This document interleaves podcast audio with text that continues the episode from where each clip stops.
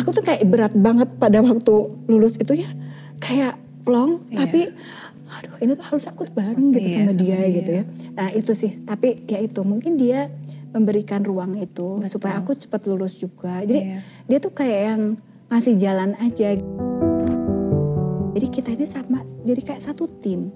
Bahkan Kak Emil tuh yang menenangkan saya. Dia selalu bilang gini, Teh, aku nggak bisa tanpa Teteh gitu. Karena itu tadi, semua kekuatan otak kiri itu ada di aku gitu. Sebenarnya dia tuh otak kanan, Kanan banget. Jadi banget. aku belajar banget banyak hal dari Kang Emil.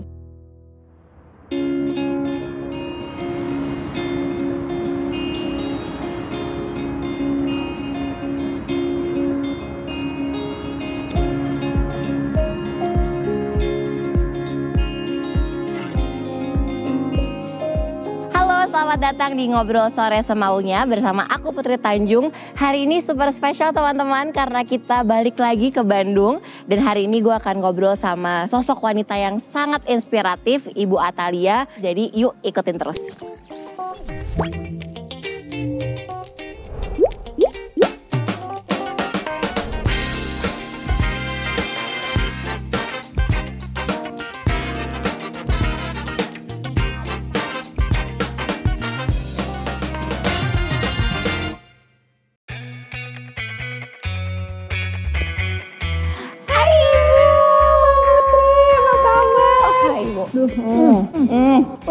Cantik aja. Iya, udah lama banget kayak ketemu dong. Terima kasih loh udah di welcome. Selamat datang kembali ke Gedung Pakuan. Terima kasih. Kita mau jalan-jalan. Oh, ayo, ayo, ayo. Ayo dong Bu.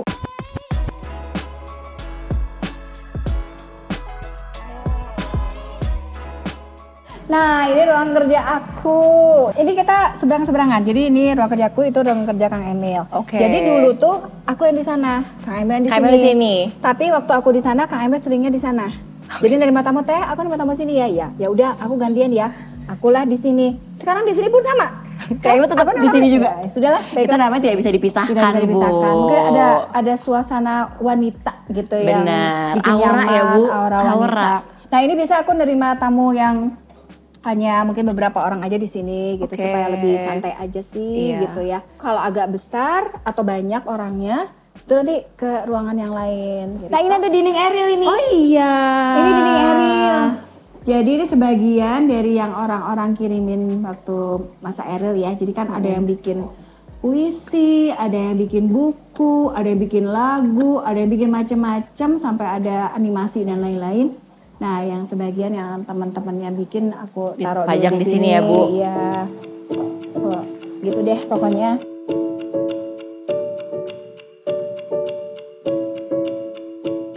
Enak sih Bu ada gardennya kayak Iya gini. kan aku punya anak kecil kan. Si Arka itu paling seneng banget dia tuh yang lari-lari lari-lari gitu. Di sini tuh ada tempat olahraga juga. Oke. Ibu Eh, olahraga aku- setiap hari? Dulu ya, eh, tiap hari banget aku seneng badminton. Sampai pas agak mulai sedikit sibuk gitu ya, udah mulai berkurang. Aku juga dulu sepedahan. Tapi ya gitu deh, lama-lama sibuk ya. Apalagi sekarang sudah mulai eh, akan pindahan kembali ke rumah pribadi ya. Iya. Jadi kita udah jarang banget gitu. Sekarang lagi senangnya beres-beres aja gitu. Ibu biasanya bangun jam berapa sih Bu? Aku Heeh, mulai Nah, aku ini beraktivitas jam berapa? banget. Kang Emil enggak ya tapi? Enggak. Kang Emil night person kan? Kang Emil night person itu eh, kayak kayak anak-anak arsitek pada umumnya kan gitu ya.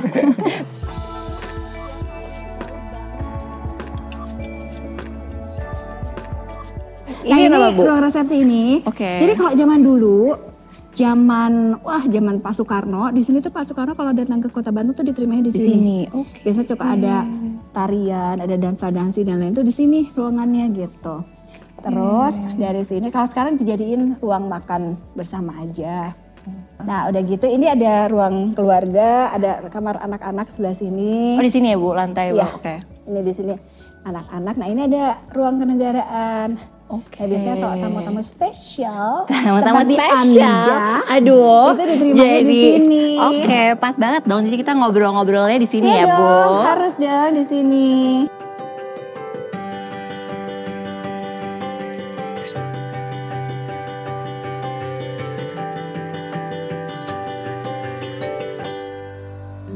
Bisa di welcome sama Oh, Ibu iya. Cinta. Aduh, Akhirnya ketemu ya schedule-nya aku. setelah bertahun-tahun. Apa kabar Ibu? Baik, alhamdulillah sekarang lagi nah sekarang lagi heboh, lagi sibuk ngurusin Cianjur. Cianjur, iya. Iya, karena eh, ya alhamdulillah banyak sekali perhatian ya kepada masyarakat Cianjur dari berbagai kalangan, dari berbagai wilayah gitu. Hanya ya itu tadi kita pelan-pelan lah kita eh, ngebantu untuk menetralkan semuanya Iya. dari sini. Gitu. Ya butuh kolaborasi bareng-bareng Betul, ya betul. Bu. Tadi Ibu juga baru abis acara kan ya? Tadi pagi habis acara eh, kaitan dengan penggalangan dana tuh kalau pagi-pagi terus eh, koordinasi dulu. Terus ada lagi acara lain tentang eh, bulan imunisasi anak nasional Oke. gitu. Udah gitu terus cari-cari eh, perlengkapan gitu kan buat di rumah Di ya rumah. untuk toilet pakai apa ya kerannya.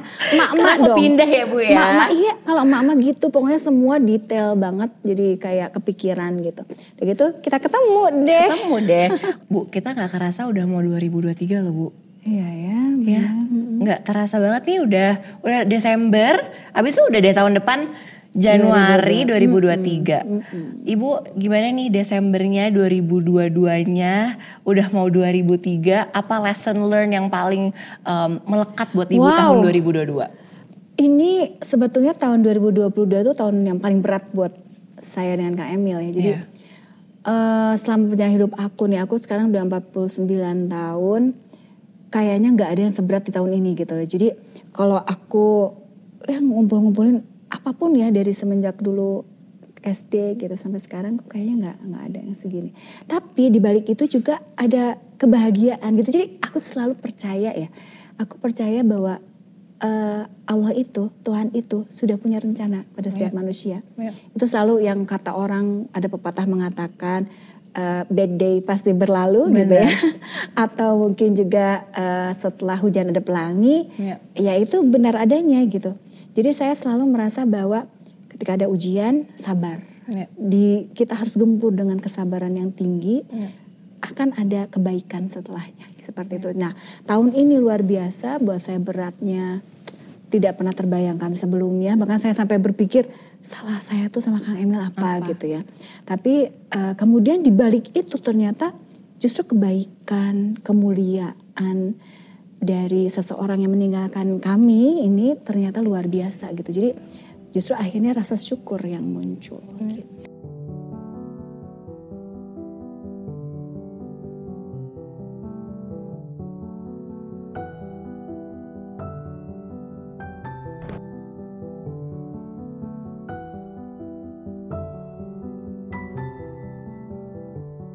Aku tahu tahun 2002 ini berat sekali buat ibu keluarga dan buat kita semua sebenarnya di Indonesia gitu. Tapi aku tuh merasa ibu nih kuatnya bukan main. Bahkan waktu empat bulan lalu aku ketemu, aku tuh nggak bisa berpikir ini ibu cinta kuat banget. Dan tadi ibu juga bilang kan bahwa ya pasti ada kita harus sabar, pasti ada kebaikan dari semuanya. Bu itu kan bisa ada di state of mind itu, itu butuh proses yang sangat panjang ya bu ya. prosesnya. Dan kita ini anak-anak muda pasti juga kayak penasaran prosesnya itu gimana sih Bu bisa sampai akhirnya bisa berpikir positif kayak gitu? Jadi gini, ini kan sebuah kejadian luar biasa yang saya sendiri kayaknya kalau saya disuruh ngulang saya nggak akan bisa gitu. Eh, hanya karena ini adalah sesuatu yang luar biasa ini datang menjadi sesuatu yang baru buat saya dengan keluarga. Kami istilahnya kalau udah kecemplung, iya kita berenang supaya kita sampai ke ujung gitu dengan selamat gitu. Kita nggak bisa membiarkan diri kita tenggelam gitu. Iya. Maka kita berusaha keluar dari situasi yang ada. Pada waktu kejadian, aduh masya Allah, ah, Mbak kayaknya kayak udah aja gelap gitu ya dunia. Bahkan orang juga sering yang bertanya kepada saya, Bu Cinta gimana sih kok kayak bisa move on cepat banget? Ah, siapa bilang gitu? Itu kan yang kelihatan aja dari permukaan. Cuma saya memang begini, saya menyibukkan diri gitu. Karena eh, bisa jadi saya seperti halnya orang lain yang mungkin bisa mengalami masa berkabung sampai enam bulan, satu Iya. tahun dan lain sebagainya gitu. Tapi mungkin juga saya tidak akan dapat kebaikan apa-apa di dalamnya gitu. Kalau saya mencoba untuk kemudian eh, men-switch menjadi sesuatu yang positif gitu. Iya. Karena dengan sibuk saya bisa eh, memanage perasaan gitu ya. Jadi kan kita sibuk nih. Jadi jadi cuma malam aja. Kalau malam masih nangis. Iya. Kalau malam masih nangis. Tapi Sampai kalau sekarang Bu? Ya kadang-kadang, kadang-kadang masih. Nah jadi uh, saya sibuk waktu itu karena saya masih lagi kuliah S3, S3 pokoknya uh. harus harus beres gimana caranya oh, nyibukin diri gitu. Terus ada kegiatan organisasi ya sampai urusan berbagi dengan organisasi. Pokoknya gimana caranya supaya enggak, saya nggak berada dalam situasi uh, kesedihan gitu. Yeah. Nah itu ternyata itu efektifnya luar biasa yeah. gitu. Jadi pada akhirnya justru pencapaian-pencapaian saya yeah. itu dilakukan atau terjadi pada saat kejadian ini masih di tahun yang sama. Jadi kalau orang nanya gini, Bu Cinta cepet banget sih gitu. Yeah. Orang lain nih belum selesai. Saya memang termasuk cepet tiga tahun ya, karena rata-rata tuh tiga setengah tahun mm -hmm. sampai tujuh tahun kan yeah. gitu ya kalau S3. Uh, mungkin ada juga yang spesial bisa kurang dari itu, tapi itu sangat-sangat jarang sekali. Yeah. Terus uh, saya katakan saya nggak tahu gitu. Karena sebenarnya ada dorongan aja. Karena waktu yeah. itu iya. saya janji sama Ariel. Ariel, lulus bareng ya 2022. Jadi supaya nyemangatin kita sama-sama kan gitu yeah. kan. Jadi dia ke sana tuh juga agak berat waktu itu saya juga agak kan kami tuh pergi kan ke yeah. Eropa kan. Pada waktu itu sebetulnya ngantar Kang Emil, cuman karena momentum kata Kang Emil, teh kapan lagi kita tuh susah pergi bersama-sama tahun yeah. depan udah tahun 2023 udah nggak mungkin lagi tahun ini momennya kan gitu. Terus jadi aku tuh sama Kang Emil yang, duh gimana ya, ah, aku lagi banyak bimbingan nih. Akhirnya juga sama, yeah. lupa aku tuh harus ini banget sih gitu, ketemu banget sama dosen, alah atur aja ini kapan lagi kita ketemu. Ih, jadi memang itu kayak yang kita tuh semuanya dengan iya. segala kesibukannya. Kayak udah diatur ya. Kayak udah diatur kita tuh bisa sama-sama kita bonding banget. Bu tapi seru banget ya. Ibu hmm. sama ARL bener-bener triggernya, dorongannya untuk bisa lulus barengan tuh menurut aku seru banget sih. Oh, itu dia yang bikin aku berat justru. Jadi ketika pressure ya, ya. Kan aku kayak pressure, pressure ya. Aku bilang gini, pokoknya aku harus lulus, pokoknya aku harus sampai aku kejar itu yang namanya dosen kan. Yeah kan nggak mudah ya itu Benar. dosen tuh kan tiga ya pemimpin iya. tuh tiga masing-masing punya keinginan masing-masing juga punya waktu yang sangat sibuk gitu Betul. jadi aku tuh kayak yang nyari waktu aja susah banget apalagi sempat pandemi dua tahun itu yang bikin aku lambat sebetulnya karena pandemi juga karena kan aku kuantitatif ya hmm. jadi harus apa namanya sebar kuesioner nah tapi itu kayak yang pas udah selesai itu yang aku gemeter tuh kayak ngeril karena dia ngajarin aku loh jadi bayangin gini ya, oh, dia kan anaknya teknik banget. Iya. Dia tuh jadi kalau kalau mau terus terang yang pintar tuh sebenarnya Ariel. Pintar banget. Dia tuh kalau nonton film eh, kali tayangan kedua dia nonton dia apa sampai kata-kata yang diucapkan oleh si artis Luar biasa. Ya, gitu ya. Terus dia tuh yang matematikanya tuh tinggi banget sampai yeah. sekarang pun dosen di ITB-nya selalu sering mengatakan Ariel tuh jago banget tuh fisiknya gitu ya. Seperti itu. Nah, Ariel ini dia kuat di uh, di teknik lah ya, di hitungan dia tuh kuat segala macam, di otak kirinya dia tuh kuat banget. Jadi aku tuh yang ngajarin dulu untuk masuk dan mendorong aku untuk kuliah dari mulai S2 S3 tuh dia. Oh, Jadi dia okay. yang bercandain mama, cuma satu sih gitu tuh, oh, papa gitu. aja S2 gitu. Terus aku yang tapi di sini tuh kayak sering banget terus aku bilang ya udah deh aku sekolah gitu. jadi ya yang SD kan pressure. sama ya jadi kayak, bu pressure yang baik loh ya, itu. Tapi dia nggak cuman gitu, dia ngajarin aku. Luar biasa. Terus sampai dia lagi sakit, coba di rumah sakit. Eril aku mau TPA nih gitu. Terus sini sini nih aku ajarin. Dia sampai lagi sakit nih, baru mungkin baru sadar dari obat bius ya. Sini sini. Dia ajarin tuh ngajarin matematika persamaan. Kayak gitu. Jadi aku tuh kayak berat banget pada waktu lulus itu ya. Kayak plong, iya. tapi aduh ini tuh harus aku bareng gitu iya, sama dia iya. gitu ya. Nah itu sih, tapi ya itu mungkin dia memberikan ruang itu Betul. supaya aku cepat lulus juga. Jadi iya. dia tuh kayak yang ngasih jalan aja gitu. Jadi meskipun dia sudah tiada, tapi itu yang namanya kebaikannya itu terus mengalir buat saya khususnya dengan keluarga semua. Ibu baru lulus bulan lalu ya? Hmm, Iya. Congrats loh ibu, luar biasa loh. Bu, tapi aku penasaran ya, ibu tuh kuliah D3, S1, S2, S3. Beda-beda. Beda-beda ya jurusannya? Iya, iya. Itu karena masih mencari jati diri atau gimana bu? Uh, bukan, bukan. Jadi gini dulu zaman saya dulu uh -huh. tuh masih memungkinkan kuliah dua kan, okay. double. Jadi dulu tuh masuk ke Unpar juga masuk ke D3 Unpad. Oke. Okay. Jadi pada waktu itu dan beberapa yang lainnya yang swasta lainnya cuman ada teman-teman aku nih provokator kan, tapi provokator kebaikan berarti motivator ya. Jadi dia bilang gini, e, ke mama saya sih sebetulnya, tante-tante itu kalau mau ngambil Unpar HI katanya itu keren banget. Tapi akan lebih kuat lagi nih kalau punya pendalaman ekonomi karena Oke. tuh orang ke depannya pasti ekonomi itu nggak akan hilang di telan waktu itu pasti dibutuhkan banget. Kalau saya sih sebetulnya pengennya jadi diplomat kan dulu tuh. Iya. terus udah gitu oh ya udah tuh masih mungkin nggak? Mungkin. Ternyata jadi aku kuliah double itu tuh. Kuliah double Itu dari mama ya? Justru tuh? dorongan dari mama berarti ya? Mama banget, Oke. mama banget, mama tuh yang pokoknya aku tuh sama mama aku tuh uh, CS banget deh. Deket pokoknya, banget ya? uh, uh, makanya Kang Emil dulu ngedekatinnya ke mama dulu. Mama itu pinter banget bu. pokoknya kalau mama bilang gitu, uh, uh, baiklah gitu kan. Nah terus akhirnya aku ya kuliah gitu, kuliah double. Kebetulan teman-teman aku support banget. Jadi uh, itulah kenapa aku uh, jarang nongkrong. Oke. Jadi aku kenal sama semua orang karena aku aktif juga di himpunan, di Iya. senat dan lain-lain. Tapi aku nggak nongkrong gitu. Oke. Jadi nggak nggak sempat nakal, ya? nggak sempat nakal, nggak sempat nakal. Nah udah gitu, jadi nah lulus duluan tuh di waktu D3 dilamar lah sama seseorang yang bernama Ridwan Hmm. Oh, Kamil gitu. itu. Udah gitu ditinggal lah ke Amerika dulu karena aku harus nyelesain skripsi yang S1-nya Unpar. Oke. Nah jadi setelah itu lulus baru aku bareng-bareng ke sana. Tapi aku udah ditinggal dulu sama Kang Emil ke Amerika Pacaran berapa lama sih bu? Sekitar satu tahun setengah ya. Jadi satu tahun dulu eh, eh, hampir hampir satu tahun PDKT, kemudian enam bulan kemudian dia melamar. Gitu. Luar Dia biasa cepet juga loh. sih. Cepet juga loh. Aku lebih cepet. Nah, dia lebih cepet Aku tiga bulan langsung jodoh ya. dilamar. Aduh ngeri banget. Itu keren, keren, keren. Ah, keren. Itu keren Selalu sama atau cowok macam was-was? itu. Keren banget, keren Keren banget. ya. Tapi ibu pas pertama kali ketemu Kak Emil udah tahu kayak kayaknya aku akan nikah sama dia atau enggak? Enggak dong. Oh enggak ya. Aduh, ketawa deh. Jadi dulu lagi deket sama orang lain dong. gitu. Tuh, eh, bagus bu, emang harus kayak gitu. Ya tapi memang gak setuju. Ya biasa Oh, mama nggak kan. setuju. Kalau mama gak setuju udah Ini mirip deh cerita kita. Ya, kan? ya gitu kan ya. Biasa kalau orang tua juga mungkin punya Feeling. feeling atau gimana gitu. Tapi ya dulu lagi deket sama orang lain juga. Jadi Kang Emil ngedeketin tuh ya aku sama yang lain juga masih kan belum jadian ya. Bener, kita, nggak apa-apa. Kita nerima tamu siapa aja dong Betul. gitu.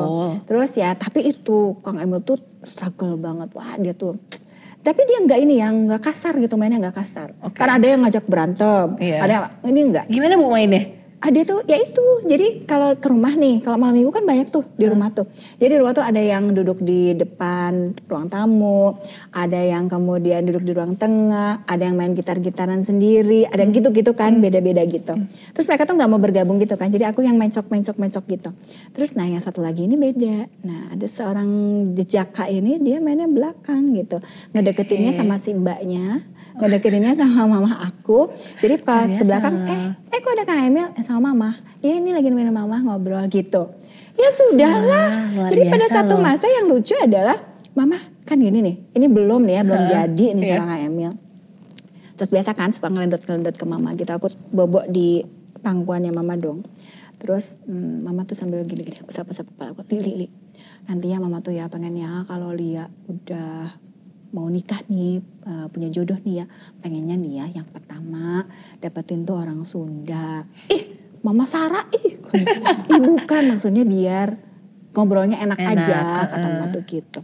Yang kedua lebih tua lah karena aku mantan aku dulu tuh lebih muda dua-duanya. Oke. Terus lebih tua lah dikit katanya supaya ah, kamu nggak terlalu superior gitu. Iya. Kamu tuh kayak leadershipnya dari dulu kelihatan.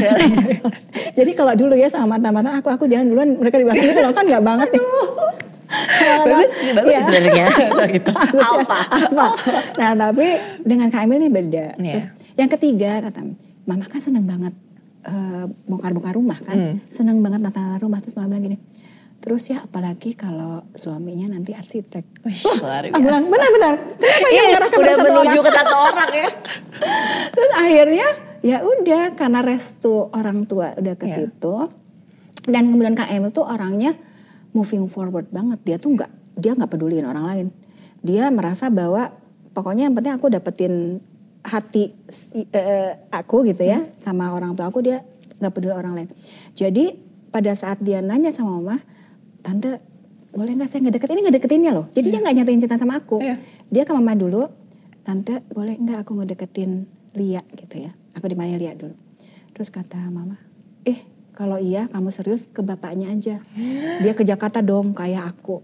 ke ayah aku terus langsung ketemu om boleh nggak saya ngedeketin Lia berani dong dia Iya, ayah aku hebat kan sih, luar biasa ayah aku kan uh gitu Iya, ya iya, iya. terus apalagi hubungan apa anak perempuan Oh, sama oh, oh, bapak oh. kan ya. ya terus gini ayahku oh kalau kalau om sih terserah Lianya langsung aku dipanggil Li ini kayak orang mau ngelamar gitu Li itu tuh katanya Emil nih katanya mau kamu mau nggak? Katanya dia deket sama kamu. Aku cuma cuma aja gitu ya. Terus ya udah berarti boleh. Udah gitu ya boleh. Tapi itu belum itu tuh baru itu tuh jadian namanya Iya, ya. iya. jadi itu kejadian belum lamaran. Betul. setelah itu baru beberapa mungkin sekitar enam bulan kemudian dia Hmm. lamaran beneran dia bawa keluarganya segala macam. Jadi yang namanya jadian kita itu yaitu semenjak dia berani ngomong sama ayah aku Bu, gitu. tapi apa prinsip atau value di hidup Kang Emil yang ibu jadi merasa yakin ini adalah pilihan yang tepat untuk Oh. ibu hidup selama-lamanya sama orang ini? kalau aku ngelihatnya gini Kang Emil ini tipe pejuang sejati Oke. Jadi dia itu gak gampang menyerah. Oke. Jadi aku men, aku kan mendampingi Kak Emil tuh udah lama banget 26 tahun dong ya. Iya. Seumur aku. 96. Ya kan? Heeh. Eh, Dari lahir aku tahun lahir berapa? 96. Ya persis, Iya. persis banget. Aku nikah 96. Jadi aku tuh ngedampingin Emil tuh dari tahun 96. Aku udah tahu banget dia itu seperti apa kan. Iya. Nah, satu hal yang menurut aku kelebihannya dia, dia itu orangnya tidak mudah menyerah. Selama itu merasa bahwa itu adalah sesuatu yang baik, sesuatu yang eh, sesuai dengan eh, harapan gitu ya, dia akan berusaha untuk terus aja keyeng gitu. Kalau keyeng itu artinya dia akan fokus gitu. Iya. Eh, untuk mendapatkannya. Nah, sama seperti bagaimana dia berusaha mendapatkan aku, gitu ya, atau hal-hal lainnya Iya. gitu. Jadi dia nggak pantang patah orangnya. Jadi kalaupun dia sedih tuh ya kita kadang-kadang gini berpelukan bareng aja gitu. Iya. Ya udah kita sama-sama ya hadapin semua. Siap gitu. Udah eh, fokus aja lagi gitu. Hadapi semua. Dan kita tuh kan karena dari nol sama-sama dengan Kang Emil. Jadi kita kayak yang guncangan-guncangan itu eh, ya udah kita hadapi oh ini kita pernah kok ngalamin yang lebih sulit. Cuman yang kemarin aja yang berat itu yang tahun 2022 itu. Iya, jadi kalau selama ini mungkin gitu, kata Tuhan tuh ah ini kok kayak biasa-biasa aja aja, ya." dikasih cobaan ini kok biasa ini dikasih yang berat banget deh gitu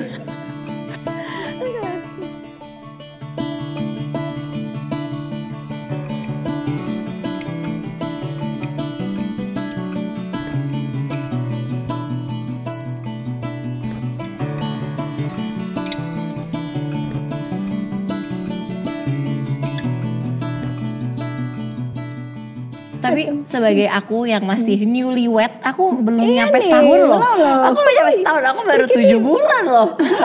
Bu, pasti kan di pernikahan tuh ada adaptasi. oh iya banget Ya karena apalagi kan Oh, ibu iya sama Kang. Emil adalah orang yang berbeda. oh iya banget Bu, ceritain dong share proses adaptasinya pasti sama coba. deh pasti sama. kan kita tuh gini kita tuh kan harus menyadari dulu kita Iya. berasal dari dua latar belakang yang berbeda Iya.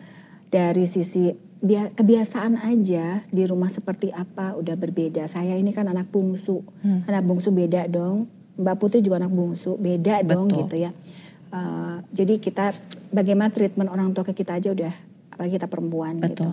terus dia seperti apa terus bagaimana mendidik orang tua itu juga beda Oh iya benar. Nah jadi pada saat kita menikah itu dulu harus kita sadari bahwa oh kita nggak sama loh. Ya termasuk juga Kang Emil otaknya kanan banget, bukan ke kanan kananan. Aku tuh ke kiri Hmm. Kiri-kirian. kirian. Nah jadi eh, itu semua membuat saya ber- sempat berpikir dulu tuh kayak yang gini, kok gini amat sih gitu, kok beda banget gitu.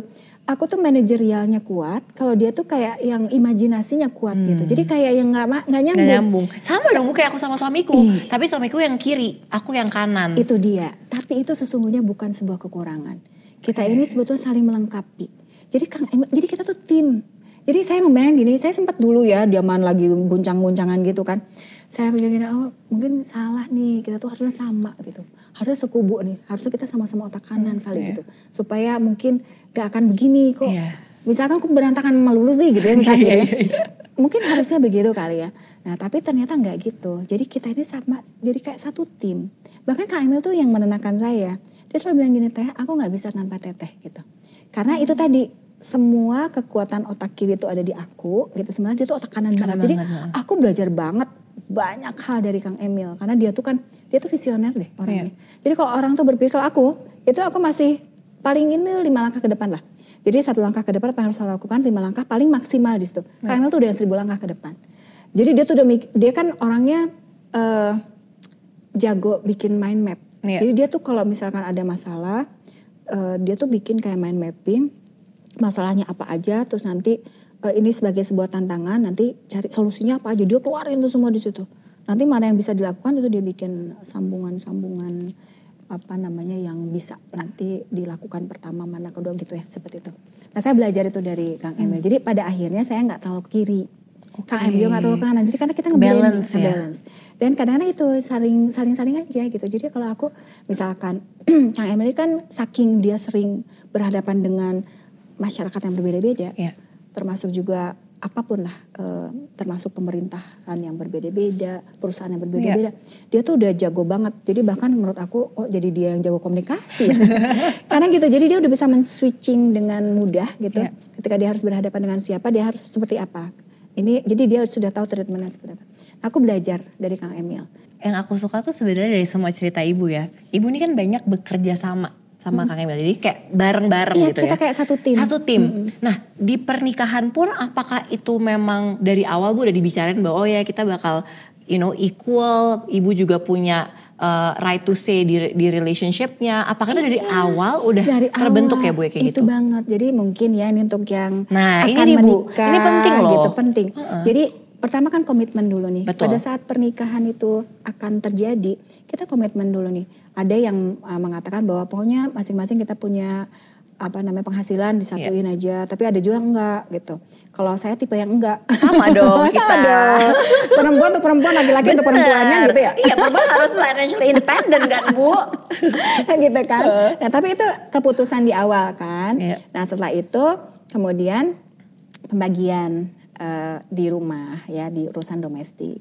Jadi kalau kita menyepakati karena Kang Emil nggak kuat di urusan domestik, maka semua urusan domestik itu rumah, eh, urusan saya sebagai istri dan ibu Iya. bagi- dari anak-anak Iya. gitu. Kang Emil fokus kepada eh, bekerja termasuk eh, kalau untuk urusan anak sampai ngajarin masih tetap gitu ya. Nanti nah itu tuh harus dibicarakan. Yang paling penting komunikasi efektif aja. Itu setuju. Keluarga itu jangan sampai kemudian terjadi miskomunikasi, sempet ada masalah KDRT sekalipun itu biasanya masalahnya adalah komunikasi.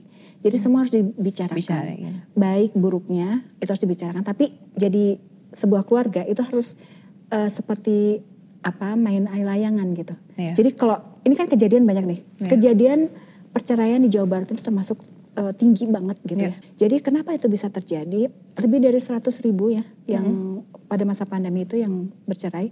Itu kenapa? Karena dua-duanya tidak saling-saling. Itu yang saya bilang harus tarik ulur itu. Jadi kadang-kadang kalau suaminya lagi kesel, ini biasanya istri pun ikutan naik Kesel, gitu. iya. Ha, Jadi ikut kesel. Kalau kesel dua-duanya ya sudah nggak bisa ketemu. Iya, betul. Jadi pada akhirnya pecahlah perang dunia kedua dan Iya. ketiga seterusnya itu. Nah, eh, maka memang harus belajar untuk menjadi pendengar itu menurut saya. Hmm. Jadi inti dari komunikasi dalam sebuah keluarga itu tahu kapan harus bicara, kapan harus menjadi pendengar. Nah, Iya. saya saya praktekkan itu di rumah. Jadi kalau orang nanya gini, "Botolnya kok nggak pernah berantem ya?" Ya, gimana ya? Kalau perbedaan itu selalu ada. Tuh. Orang keinginan aja, misalkan sekarang mau makan di, di restoran aja, menentukan restoran bisa jadi berbeda kan Betul. gitu. Tapi yang kita lakukan adalah kita berikan peluang. Misalkan gini, ini misalnya Kang Emil lagi perasaan hatinya lagi nggak enak banget, sedih apa segala macam. Terus saya nggak kemudian menekan Kang Emil untuk melakukan apa yang saya inginkan Iya. gitu loh. Tapi tunggu dulu aja sampai momennya. Bahkan sesuatu yang menurut kita kita bener kok gitu. Kenapa sih kamu ngomong kayak gitu kan? Kamu tuh salah gitu. Itu pun bisa kok nunggu gitu. Iya. Jadi kalau Kang Emil lagi kesel, saya bilang "Eh, nggak gitu nggak gitu. Ya sabar aja dulu, ya aja dulu. Oh gitu ya. kalau dia udah turun kan tensinya, Baru ya, Bu. baru kita ngomong, ah tadi tuh sebenarnya ini loh. Iya. Oh iya ya, maaf ya, udah Iya, beres. Iya, iya bener. Ah, Ibuku gitu. juga selalu ngomong gitu, Gitu ke aku. kan? Iya. Iya. Mengatur emosi lah ya Bu ya. Iya itu. Dan itu sebetulnya yang paling sulit dalam Iya. sebuah kehidupan berkeluarga. Butuh proses dong Bu itu pasti. Benar. Untuk bisa sampai situ. Iya betul banget. Betul Bu, banget. kan ibu nih adalah seorang istri, seorang ibu, uh, woman leader, memimpin banyak organisasi, uh, multi peran gitu ya Bu. Sebagai perempuan yang multi peran, sebenarnya apa sih Bu yang dipa- paling dinikmati menjadi perempuan yang punya banyak sekali peran? Nah ini mungkin apa ya? Saya nggak nggak bisa menyamakan dengan orang lain ya. Iya. Jadi kebahagiaan seseorang itu nggak bisa disamaratakan. Saya sendiri nggak tahu kalau orang mungkin ah masa sih kayak gitu bahagia kalau saya tuh bahagia jadi saya tuh senang begini mungkin karena kebiasaan ya kebiasaan saya misalkan saya ketemu orang saya cuman misalkan menyentuh menanyakan kabarnya atau memberikan sesuatu yang bisa meringankan bebannya itu membuat orang merasa bahagia bersyukur dia tersenyum aja aku udah bahagia itu yang membuat saya merasa bahwa saya melakukan ini tanpa beban gitu Iya. saya ini bukan orang politik Iya. saya ini hanya ibu rumah tangga biasa yang kebetulan saya diberikan peran berbeda saja sedikit berbeda dibandingkan Iya. ibu-ibu lain gitu karena saya punya memimpin berbagai organisasi tapi kenapa kemudian eh, itu bisa dilakukan gitu? Karena itu mah dari hati gitu. Iya. saya udah ngejalan ini bertahun-tahun dari sejak sebelum eh, menjadi wali kota Kang Iya. Emil ya. Eh, sampai dengan hari ini saya memang ternyata di situ hati saya gitu. Saya seneng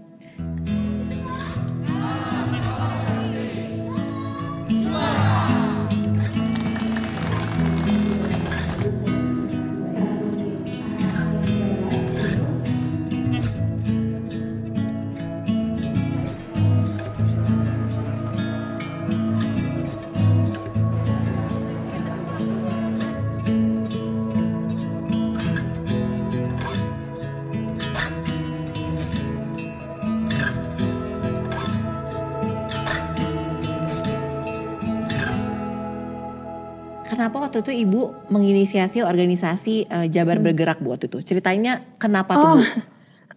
jadi gini Jabar Bergerak itu hadir pada waktu dulu itu karena saya punya sekelompok orang-orang baik Oke. yang mereka itu tanpa pamrih gitu.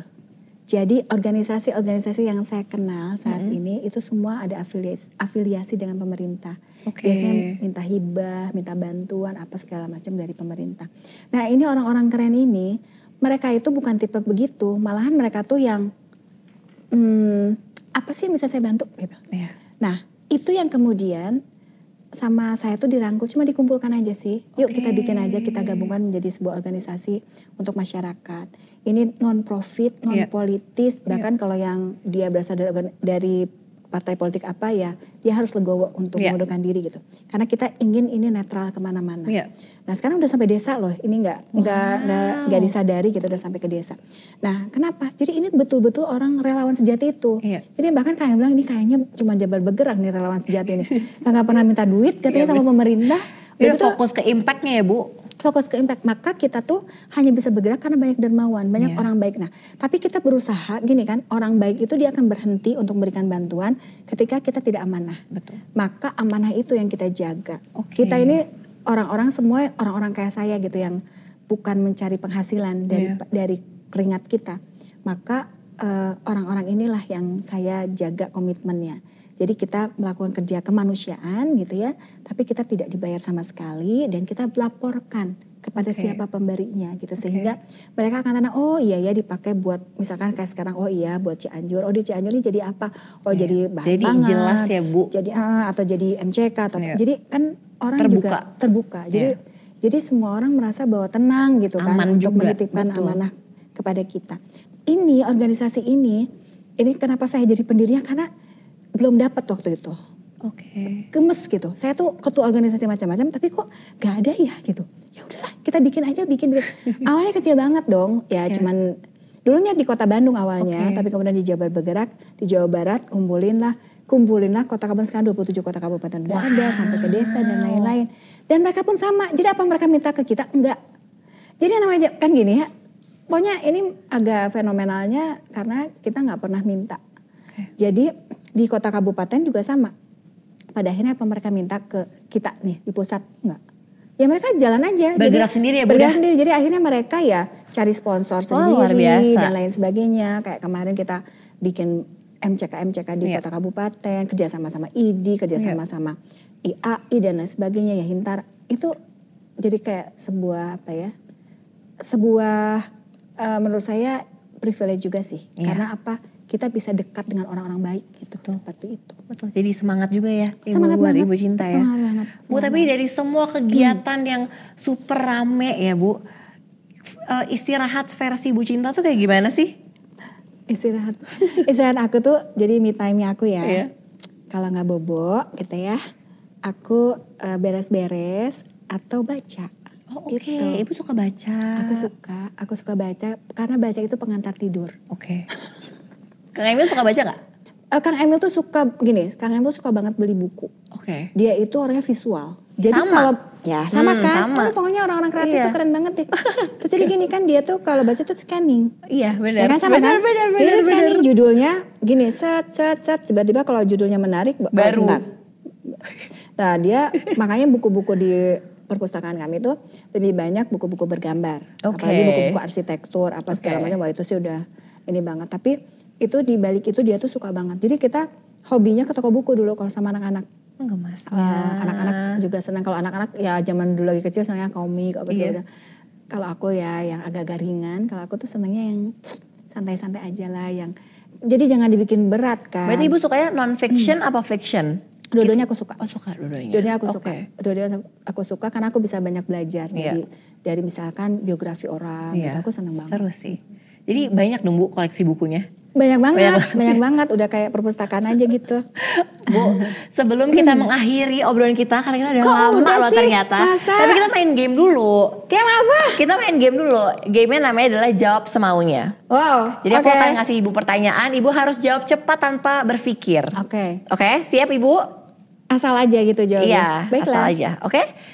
Ketika bangun pagi, hal apa yang langsung saya pikirkan? Mau ngapain hari ini? Waktu kecil hal yang paling memalukan yang pernah saya alami adalah Eh, ngompol.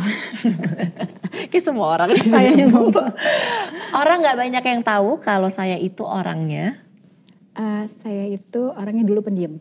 Oh iya bu. Banget. Oh. Pendiam banget. Jadi kalau nggak dicolek aku nggak ngomong. Dulu ya. Terus ibu akhirnya gimana? Akhirnya berubah ya. Sekarang jadi ini. Wah, biasa ya. Jadi Proses orang aja, tuh iya bisa berubah Iya, ya bu orang ya. bisa berubah. Oke.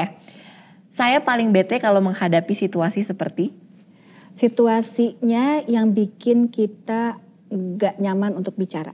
Oke. Teman-teman saya bilang kalau saya adalah orang yang Ceria. benar. Saya merasa hidup pada saat Pada saat bersama dengan orang-orang yang saya cintai. nasihat terbaik yang pernah orang berikan ke saya. Perempuan harus mampu untuk menjaga diri. Setuju. Menurut saya kebahagiaan adalah Kebahagiaan itu adalah ketika melihat orang lain bahagia. Ah, ibu. Udah nih. Aduh, aku kayak deg-degan banget kalau ditanya.